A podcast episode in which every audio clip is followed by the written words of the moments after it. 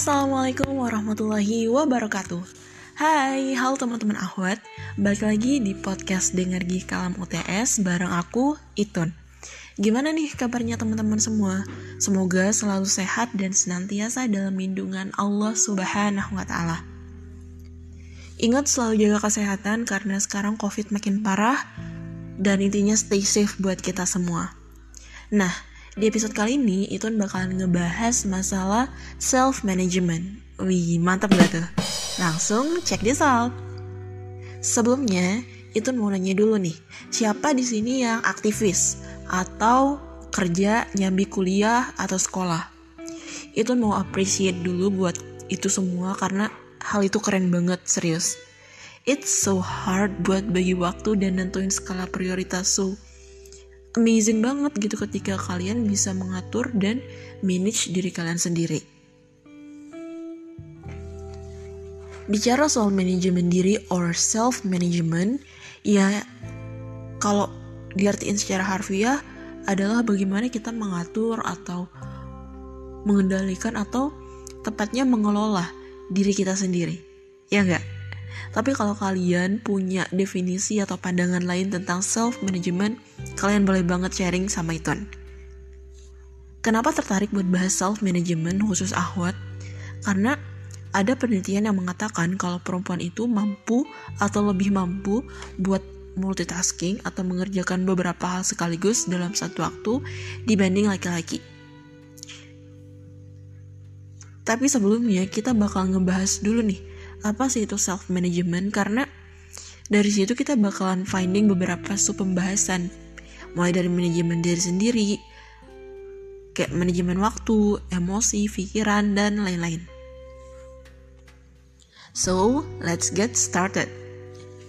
Manajemen diri or self management merupakan upaya individu untuk melakukan perencanaan, pemusatan perhatian, dan evaluasi terhadap aktivitas yang dilakukan. Ada kekuatan psikologis nih yang ngasih arah ke kita-kita buat ngambil keputusan dan nentuin pilihan serta netapin cara-cara yang paling efektif buat mencapai tujuan kita. Self management ini itu mencakup beberapa hal, di antaranya pemantauan diri atau self monitoring, reinforcement yang positif atau self reward, kontrak atau perjanjian dengan diri sendiri atau self contracting, dan penguasaan terhadap rangsangan atau stimulus control. Nah, self management ini tuh penting banget nih teman-teman. Karena apa ya? Ketika kita udah bisa mengelola diri kita sendiri, kita bisa manage banyak hal dalam kehidupan kita gitu loh dari definisi yang tadi udah itu jelasin by the way itu sumbernya dari jurnal. Nah dari definisi tadi tuh kita bisa ngeliat nih gimana manajemen diri atau pengelolaan atas diri sendiri tuh penting banget. Karena lewat situ kita bakal bisa bikin planning dan pay attention ke hal-hal yang pengen kita lakuin gitu termasuk langkah evaluasinya teman-teman. Nah tapi kali ini kita bakalan ngebahas satu manajemen dulu nih yang paling urgent sih menurut Iton pribadi yaitu manajemen waktu atau time management. Karena kayaknya nih ya, ini tuh adalah hal yang fundamental banget gitu dalam kehidupan kita. Gimana kita memanfaatkan 24 jam dalam sehari yang dikasih sama Allah Subhanahu wa taala buat kita. Tapi sebelum kita meluncur ke manajemen waktu, ada beberapa tips tentang manajemen waktu Nah, kita bakal bahas terlebih dahulu nih, apa itu waktu? Kita sama-sama tahu, dalam hidup kita punya akhir, ya dong. Dan punya batas waktu. Jadi waktu itu ibaratnya kayak nyadarin kita kalau kita tuh punya batas usia gitu di bumi Allah ini dan artinya waktu kita tuh dikit banget dan harus dimanfaatin dengan baik. Terus ada juga beberapa fakta nih tentang waktu yang menarik banget buat kita bahas. Yang pertama, waktu udah ditetapkan oleh Allah Subhanahu wa taala. 60 detik per menit, 60 menit per jam, 24 jam per hari, 8000 86.400 detik per hari. Waktu terus berjalan dan gak pernah berhenti. waktu juga nggak bisa diputar ulang nggak bisa disimpan atau dihemat waktu juga nggak bisa dikurangin atau ditambah nah karena kita tahu nih kalau waktu kita tuh terbatas dan minim banget jadi kita perlu nih buat belajar dan membiasakan diri buat bisa manajemen waktu dengan baik. Dengan bisa manage waktu yang baik, kita punya hidup yang bakal lebih efektif dan tertata teman-teman. Karena kita udah punya perencanaan gitu alokasi waktu di tiap aktivitas yang bakalan kita lakuin. Pengelolaan waktu yang efektif ada beberapa cara gitu. Yang pertama, kita bisa lakuin dengan nyimbangin waktu buat belajar atau kerja, buat have, fun atau santai dan buat istirahat. Tapi tanpa kita sadari, setiap saat kita tuh udah bikin beberapa keputusan terkait waktu. Contohnya, kita mutusin buat kapan kita bakal ke kampus atau kapan kita bakal belajar di rumah, kapan kita olahraga, kapan kita ibadah, dan lain-lain. Semua keputusan kita atas waktu itu berperan penting dalam penyusunan strategi manajemen waktu kita. Hal ini juga bisa jadi bikin kita nih lebih efektif sekaligus ngelakuin hal-hal dalam beberapa waktu gitu. Dan udah tentunya pengaturan yang bijak dalam penggunaan waktu bisa memastikan kita buat menggunakan waktu secara efektif. Tantangannya adalah proses buat mengelola waktu menjadi efektif dan rapi itu the real life ini ya. Hal yang sulit banget ya gak sih? Teman-teman juga pasti pernah udah planning A misalkan tapi malah gak bisa terlaksana karena ada beberapa gangguan dan bikin perencanaan kalian gak jalan. Nah itu salah satunya teman-teman. Tanjung dan Rohmi menuliskan dalam jurnalnya bahwa ada beberapa cara buat mulai melakukan manajemen waktu. Kita bahas satu-satu ya. Yang pertama, menentukan dan memiliki visi. Why it's important? Karena visi itu ibarat apa ya? Titik yang bakal kamu tuju gitu. Dan which is kalau kamu udah punya satu tujuan, kamu bakalan usaha semaksimal mungkin menggunakan yang kamu punya termasuk itu waktu buat visi tersebut Nah, yang kedua ada fokus. It's important karena jadi fokus karena kita ketika kita fokus ke tiap kerjaan yang kita lakuin dan dilaksanakan dengan maksimal itu bisa mengurangi kita buat buang-buang waktu gitu karena ketika kita fokus nih otomatis apa yang kita lakuin itu dilaksanakan secara maksimal gitu. Nah, yang ketiga, dan yang harus banget kita lakuin adalah bisa nentuin priority kita atau prioritas kita.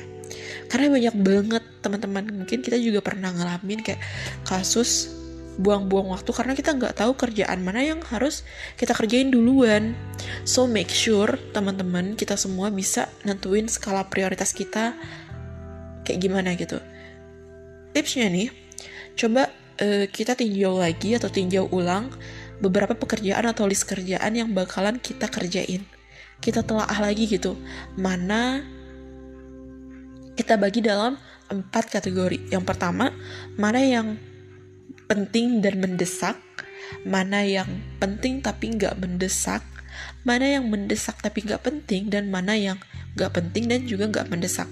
Nah, dengan memetakan kayak gitu kita jadi punya ruang untuk menilai gitu mana yang harus kita kerjain lebih dulu.